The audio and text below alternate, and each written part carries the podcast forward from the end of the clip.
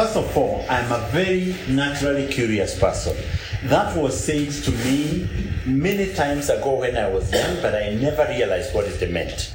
Like when I first read a novel was when I was in standard six. A teacher took me aside.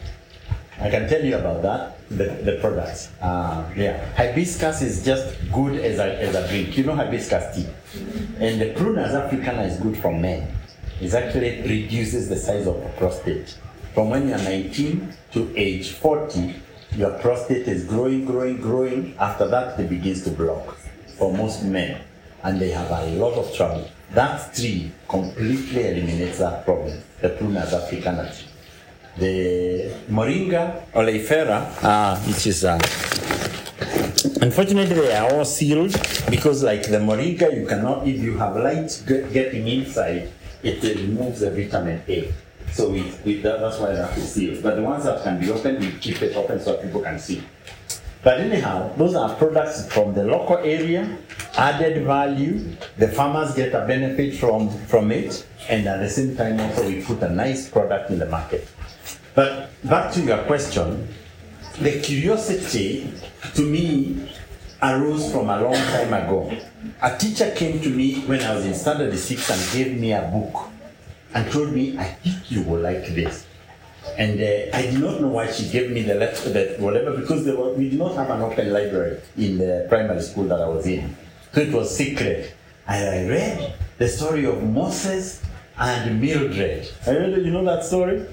Mo- Moses and Mildred was a fascinating story set in Uganda of, uh, of, of kids who are playing. You know it? You know the, you know the story? And I was so fascinated when I finished. I went back and she gave me another one. I ended up reading the entire set of books, and not one other kid in my class ever got to know that I was being given books secretly by a teacher. So I asked myself, why did the teacher pick on me? Of course, in uh, standard seven, when we did the final exam, I had a straight A in English. So I suppose it's because I was a good student in English.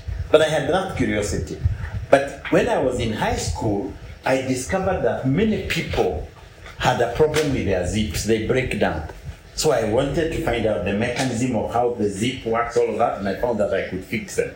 So I began to fix zips. In uh, people used to bring me their trousers, their chipandes, whatever, and I would be the one fixing the zips. Then uh, I also, uh, when we did a metal work thing, I was curious to find out can somebody make a key that can open a padlock?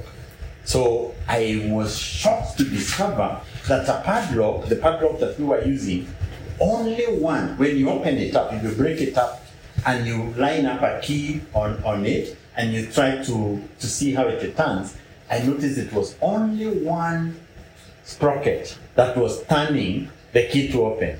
So by filing down a key on all the other parts, you know that zigzag, eh? by filing it down so that they get refused, I get a master key.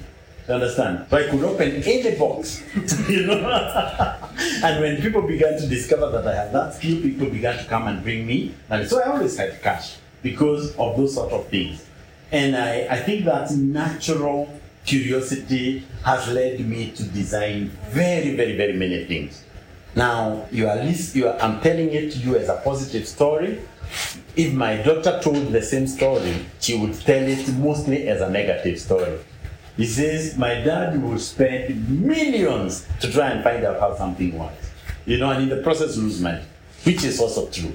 But it is also the other side is true that the experimentation helps you to come up with a process. And I, I, we can cite many. So, in the way that we deal with this, is that when I find a situation where things are not working, my goal is to try and find out why not, because it should work. Then experiment different things, and then when you finally find what works, then you define that process very carefully and enforce it like a policeman. Like I am. Here's the way to make a yam produce 100 kilos, one yam instead of two kilos. You dig a four by four hole and four hole deep, four feet deep. You fill it with manure and topsoil. You fill it with water. Then you plant your yams there. 18 months later, you will harvest 100 kilos of yams from there. Why do farmers get content with two kilos?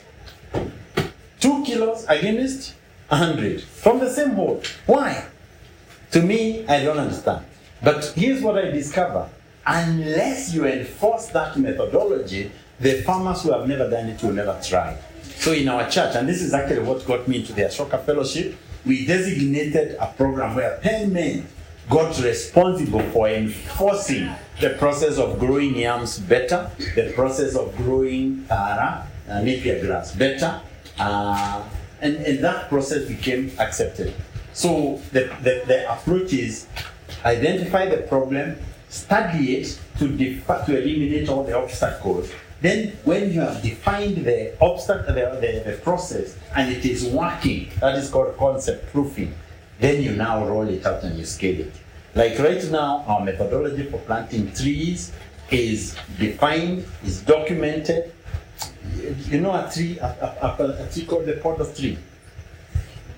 You know podo, podocarpus. If you go to Kefri, you buy two kilos like this of the seed. You go plant it, and not one will germinate. Why does Kefri do that?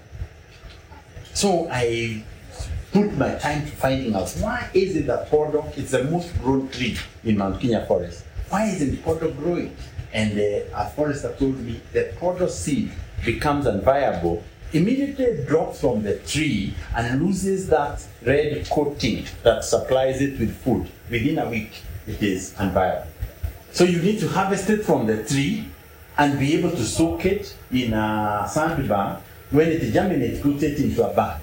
So I went, followed that process. Right now, I have about 300,000 podo trees growing very nicely as a result of following that process. Now we are documenting that process and then we will train all the community forest associations working with us to follow exactly that process. I will have a forester employed to just go against each one of them and making sure that they follow that process precisely. Are, you- are you seeing what I mean? So identify the problem, solve it, test the alternative way. Once you have understood it, then roll it out, but enforce the process. I don't set targets for people, for sales. I set processes and require you to follow the process. If you follow the process, targets get achieved, etc. So, have I answered your question? Yes. Okay, good. Any other question? I'm told I can go for a few more minutes. Um, so uh, my question is, I you, said you worked with carbon credit, so I think you, you understand. Why? Oh, before you go on, let me finish for her question. Why carbon credits? Because I discovered that in the process of doing what I was doing, everything that gives farmers at the low end trouble is an offset that is rewarded in the overall scale of things. So you use an energy efficient stove, there's a reward. You plant a tree, there's a reward. You use biogas, burning it, because you're burning methane, there's a reward. You do biochar. Do you know biochar? Biochar is like you take a portion of this bush and you come and cover it over here and you light up a fire so that when it gets black, you put out the fire. What you have been left with is called biochar, like charcoal. That charcoal is very good for a farm. If you pour it on a farm, what you plant there in the, those mazes can tell you when they were young, the whole community used to burn an area like this one before you plant it. Si ndio mzee? Mlikuwa mnachoma? Mlikuwa mnachoma kwa sababu gani? Ili mpande, the thing that you are planting in a place that has been burned grows better because of the biochar. It attracts, the biochar pulls nutrients uh, uh, into that particular place and keeps water on the ground. Now, but if you now make biochar officially, like from rice husk or from the things that are being thrown in the market, and you make that black stuff, pack it in a bag, give it to farmers, they pour it on their coffee farms. Their coffee will do better, but you will get the carbon credit. You understand? If you filter water, because that water is not being boiled, you can get carbon credits because the, you have saved the time for boiling by the small scale. So I just discovered that everything that is giving the small scale farmer trouble is actually rewarded. So I just focused on registering those mechanisms to make sure it's called a PDD, uh, uh, design document. With a PDD registered with gold standard or with VCS, whatever now you are doing in those activities, once they are verified by an external auditor, you get a carbon credit certificate. Now, the farmer, individual farmer, cannot get that by themselves because it's too complex. There's a lot of IT, there's a lot of verification, there's a lot of audits going on. But I can do it because I have now that capacity. But once I have done it, like in all our projects, 15% of the carbon credit is assigned to the community, and it's not a small amount of money. So that money is enough now to solve problems of water infrastructure, things like that, etc. Now to yours. Um, I think you've kind of answered it because I was going to ask, uh, like we are facing climate change like globally also in Kenya. And I was asking like what other ways can we mitigate um, climate change Mhm. apart from like planting trees. Mhm. Uh, but then I've had you explain Yes. a lot of You save water, you create you create mechanisms for sp- using stoves. Today in the afternoon, I'm seated with a guy. We are going to be designing an institutional cook stove for a school that can be able to use like 10% of the firewood that they are using right now. Then we will design that. Then we will register all the schools around uh, Mount Kenya uh, to join in. We will give each one of them a free cook stove, but then we get carbon. Yeah, this is sort of thing like that. One more, just the last one, just so that uh, now we can hand over the meeting. But now, what a picky, picky point. now we'll take both quickly, yours and yours together. Then I will answer. I'm just asking someone here if you are hiring, we have positions in your company, Good. And your question? the price. Huh? Prices. The prices. Yes, uh, the coffee, the The prices for those. So let's just set the prices now. I'll set the prices for a hundred shillings. I'm sure if you come to the office, you'll get them a lot more than that. But there will be, be a lot more than that. But I was carrying this as just a samples. So we will do a hundred shillings, and that one hundred shillings will go to him to subsidize his transport back to Nairobi. for anybody who wants anything. So there you go. You you be the one to sell them and to give the money to him. Okay. after, after this, you. You, can do a picky picky from me. Now, we are hiring software developers right now. Uh, we will hire a data entry person, uh, most likely one or two. We are hiring a forester. Uh, if we can be able to get one that is approved, you know, these uh, guys who are called the um, the ones they announced by the president that they can be able to go to KWS as uh, honorary wardens. We can get somebody with an honorary certificate, that's much better. We are hiring field officers, but those have to come from the village where we are doing the distribution. We are going to be working in Meru, in Nyeri, we are going to work in Kirinyaga, and we are going to be working in Muranga, in Laikipia. We have a project over there. So, in the specific areas, at this particular moment, we will be hiring local people to do those sort of things. So, those are the positions I can think about agronomists, foresters, uh, people who are software developers, the key data keying uh, people, and uh, who else? That's that's it. And the, the others are local people in the communities. Answered you? Yes? Sorry. Sorry, Lenny. Are you open to replicate that in different uh, counties and communities and partnering with people to implement? The answer is yes. Our biggest problem right now is the government. Because our project is designed that the majority of the trees, because farmers have got very small land, to plant in the forest like a million trees. The carbon credit for that becomes enough money to subsidize all the activities that we are doing in the community. You are together with me, yeah? Now the community may be only doing like three avocado trees or ten avocado trees or ten macadamia, things like that, very small quantity. But the bulk of the money is going to come from the forest. There we can now maintain the water infrastructure. We can be able to have a scholarship for the kids who are needed in that particular community. We can repair the schools. We can provide the dispensary with the, the instruments they need to be able to diagnose disease. But when we don't get the forest, in the government because of the corruption that they are asking for, our project in the community becomes heavily limited. So we have shifted to the Mara, the know Masai Mara, and we are right now in the process of signing up a program with the Masai community for 100,000 hectares on the REDD mechanism in which we will designate spaces where they can uh, be able to plant the trees, where we can distribute cook stoves, where we can uh, be able to designate areas for agriculture, and the carbon credit benefit will be enough to store hay for all of their animals so that they don't have to roam. You understand? To dig boreholes so that they can all have water to build the classroom so that all their kids can go to school, to build the dispensary so that all the, the hospitals are well set up. And because the area is vast, the amount of carbon credit is in the region of billions, not, uh, not, not millions. So the answer is yes. We are happy to replicate. At the moment, the biggest help I can get from anybody is somebody to go and twist the, the, the PS to make a signature to give us access to the forest. And I don't see why not, because because we are trying to do the right thing and they are, somebody is just asking for tiny bribes.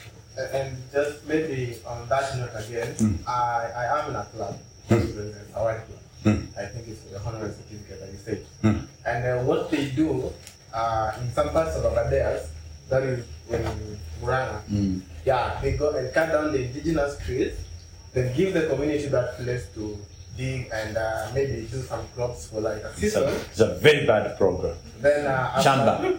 Then after that, Hmm. they now so our work is always to go and plant trees on Yeah. The, the, the trouble with the Shamba system is that A, the communities actively make sure that it never gets thick enough so that they can plant for longer.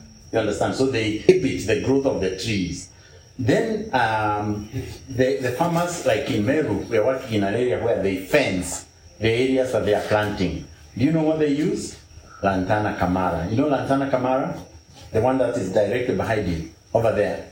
And it is an invasive species. Once it has been used as a fence, it will begin to spread elsewhere. And it wipes out all the trees. That, that lantana there, in another 50 years, will have killed all the trees in this particular area. But there is carbon credit available for removing it. So you can actually remove it and do it. So instead of the instead of the Shamba system, we prefer to have complete access in an area. We clear it completely. We employ the local community to plant the trees. The trees come from outside. We have uh, right now a tissue culture uh, protocol that is being developed by Professor Kahangi and others to be able to grow trees very, very, very fast. And many of them, we plant them, we oversee the growth for six years, then we let them survive. The last problem about the Shamba system is this the token. You plant like two or three hectares. We are talking about hundreds, thousands of hectares. You understand? So are able to do big numbers instead of very, very small numbers. Alright, so my question was like, uh, what they claim is that they are trying to reduce the carbon sinks in the environment. So they say the indigenous trees don't do well in the carbon sinks. So my question is, are they doing this for personal gain? Yes. Then you are being brainwashed that the Yeah. indigenous. Everything that you are saying, they are talking opposite. Because the indigenous trees, I have, I have data for more than 200 species of trees that accumulate carbon credit. Even the slowest, like camphor, which is a very, very slow sequester, is still much better than planting uh, an invasive species or a, or a species that a farmer will cut. Because they are doing that so that after 10 years they can cut that tree. You understand? Like when they do cypress. Now, all that carbon that will have been stored by that cypress will be converted into air. But if you plant a camphor tree, you have it there for a lifetime. So it's a warped argument, and but we can have that conversation outside of here. Thank you very much. In my case, I think my own experience is that the people who generate really original ideas are a very, very, very minority. They are a minority. In, I mean, look at Elon Musk. Comes up with an idea that you can dig a trunk, a trunk here, and be able to create a road that goes underneath New York or San Francisco. You know, it's not everybody who creates ideas. So my suggestion to you is that when you are generating ideas, bring people who have that proven experience or uh, capacity to come up with wild ideas and put them in your group. Once the idea has been formed, spend a lot of time figuring out how does that idea, how is it made into a workable program. Personally, I am available to city. I, as as I told you, I'm me. I'm Paige, and um, um, at the moment my children are running my business, and I have lots of time. I mean, you you have seen the whole time when I've been here, my phone has rung only once, and it's a call that I will return.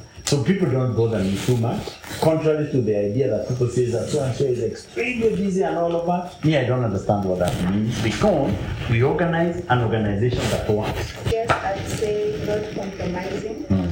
and the fact that you have to choose honestly over and over again that you will Yep. Great. Thank you. It's painful, but it's worth it.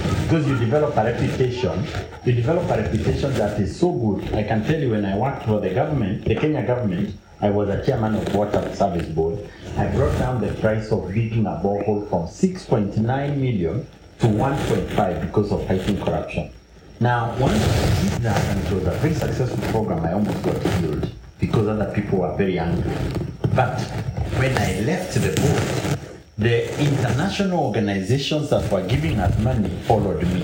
I was invited by the German government to go and sit in the donor funding round table when they were designing the, the next round of funding for developed countries. I was seated among their ministers because they wanted to get my ideas because they believed I was an honest person. Unaona? So you, you lose in what is apparent, but later on, you don't know where the benefits will come and they can be very, very, very, very big. Right now, I have investors who are able to actually plant trees all over Kenya in every place which needs to be reforested. I have actually access to those, those, those investors right now.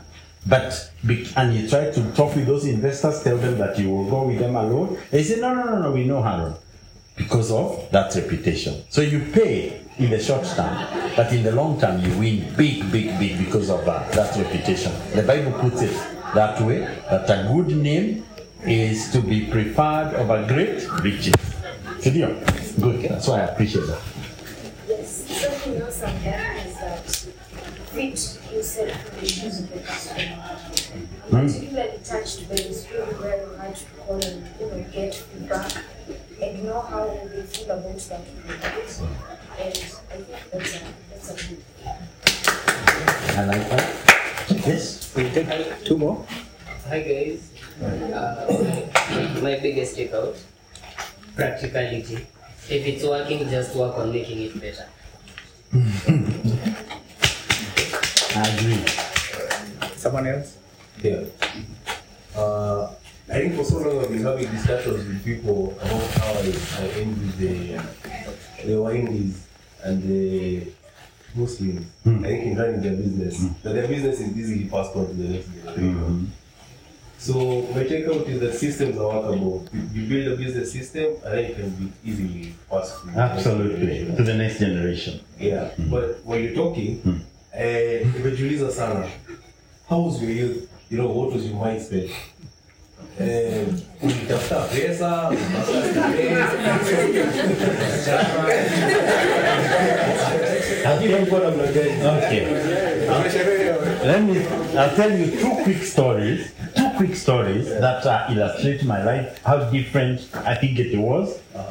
There's a, a lady who is called Mwaure, anaitwa Anne. Unamjua? She's a judge of the High Court. The mother to Wahiga Mwaura. Oh yeah. You know Wahiga Mwaura? They just lost one of their kids recently. We had a funeral. It's a very sad thing. But their mother was a buddy of mine. We were like age mates when we were young, in our 20s. And we used to belong to a group that used to go to preach. Almost all our weekends, we were out in a school preaching somewhere. That's how we spent our youth. But now we grew older, and uh, she was introducing me to a group that she took me to go and, uh, and, and talk to about IT. And uh, in her introduction, I discovered an aspect about myself that I had never known about. So she says, I know Wachira from our youth, the way I have said it. And maybe he does not know this, but he was a major topic of gossip among us girls. Okay? And she said, why? Because when all the other boys were busy inviting us for coffee and days and taking us out and giving us nice time, almost all the time alikuwa anakuja na nini? Na kompyuta yake. Eh, akikaa mahali hapo na kompyuta, unamwona tu, "Oh, doesn't this guy think about anything other than computers? So that was my youth when I in my 20s. I got involved with computers when I was 20 years old.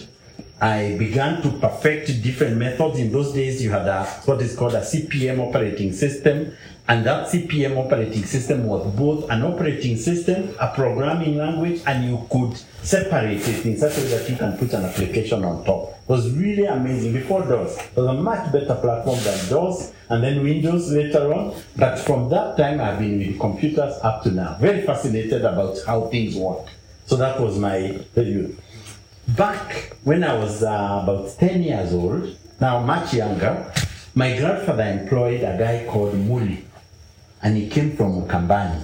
And he found us, we had this trolley, this uh, truck that was like a triangle, which has got wheels up pale mbele na pale nyuma. Wale wazee wanaikumbuka. Unakalia hapo, unashika a rope that was hiding and you can turn it like this and you go to a place where which is hilly to the bottom and you, get, you turn it around so that you don't hit into the stream or something and then it stops. So now Muli comes over and he looks at this thing and he laughs. and i check him and anasema, anaanguka. You know, this is Muli, what's wrong? This is, I can't imagine that you guys can go with something that is so out of date, archaic, you know, in a, speaking in Kikamba. This is hii kitu haifanyi kazi hata kidogo. And my cousin, who was older than me, says, Can you make something like that? He says, I can make something that is 10 times better than that. I says, Okay, fine, tuone. So he went and cut some two pieces of wood and made something that looked like a ladder. Naona kwenye mguu moja mti moja anatoa anatoa shimo uh, pale shimo and he puts up this piece of uh, uh, piece of uh, wood that he plugs in the wheels on the other side and they are tight. So they are all rotating at exactly the same time. They are controlled by this hole of the tree, so they are very smooth. And he does that from behind and forward. Then he puts one longer strip at front there. So if you push it this way or that way, it turns just very nicely, very small but not whatever. Then instead of using mapi ya ng'ombe, that's what we used to use in ours. Eh?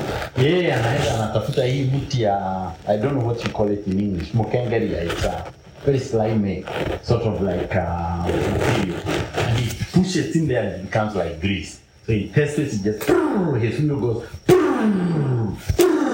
so he tests it like that. He puts it on the ground, you sit it, and you just touch somebody on the shoulders. And it goes, unakimbia on the flat ground. It was so delightful. And I thought to myself, how stupid was I? why, why did I never think that something like that can be done? You know, I it, it traumatized me just to think that somebody can come and outgun me in so many ways, and he's just about a guy who is about my age. I could not get over it. Now, my cousin had a very different reaction. He saw this thing is going, he picked it up, it was small, he puts it on his shoulder, and Muli asked him, Where are you going? And he says, I'm going to take it where we normally go, on a hill that was like this. And Muli says, Mwe, mwe, usifanye hivyo, mimi sitaki kuambiwa ni nini nimekuua. He says, Why? That thing ukienda nayo hapo itakuwa itakuua. Ah, wewe ondoka. That's my cousin. Wewe ondoka, wewe unajua nini? Do you see how we reacted differently? So my we follow my cousin. He was bigger than us. And he goes to this place. It was real steep, the bottom there kulikuwa na wire kama ile kama pale hivyo ile ile ile na brick uh, na iko hapa chini because the land is fenced, and we are now at the top. And my cousin sits on it, and I want to go and sit behind him so that he can carry me. Muli says, "Get out! Ondoka! Msienda wawili." So Muli is now feeling terrorized that this guy wants to do this. So my cousin goes and he begins this journey down. In two minutes, nimemuona kule juu kama fiti kama kumi huko, the thing is upside down and it comes crashing down on the wire like there. So you have one there, one there, one there. Crucified like this. So we all go there, and you know, small kids, and they are watching they used to lift the leg, whatever. After a struggle of more than an hour with a lot of blood all over, he comes out. Then what does he look for? Mud, ya ma- mafi ya ng'ombe. Unajipata yote huko ndani, hapo anasema kamoja kaende kaseme. because we never said anything, eh? never said anything, and we watched him like for a whole month while he was healing. In those days, I don't think there was tetanus, and he recovered. But the reason why I am telling you that story is to show you how different kids can be. You you think you see the same reality. One person sees a different thing than the other one. That that cousin of mine is a drunkard today. He's older. We have, even the last time when he was at home, we prayed together, we tried to get him to, to stop. And his mother, uh, who is also my mother because she's uh, uh, in our age, your father's brother's wife is also your mother. So we were we, we really lament together. What can we do to Wachira? He's also Wachira like me to get him to change. But his perspective was utilization, enjoyment, kuenjoy kile anaona uh, as soon as he has seen it. My reaction is, how is it possible that I could not do that? So I think that explains to you. And I think I've been like that all my life. I, I see a reality and I wonder, like, when I see over here, here, you know, all of this is biochar. You know, all of this stuff is biochar. This is more than a million shillings of carbon credits in a year. Okay. Thanks.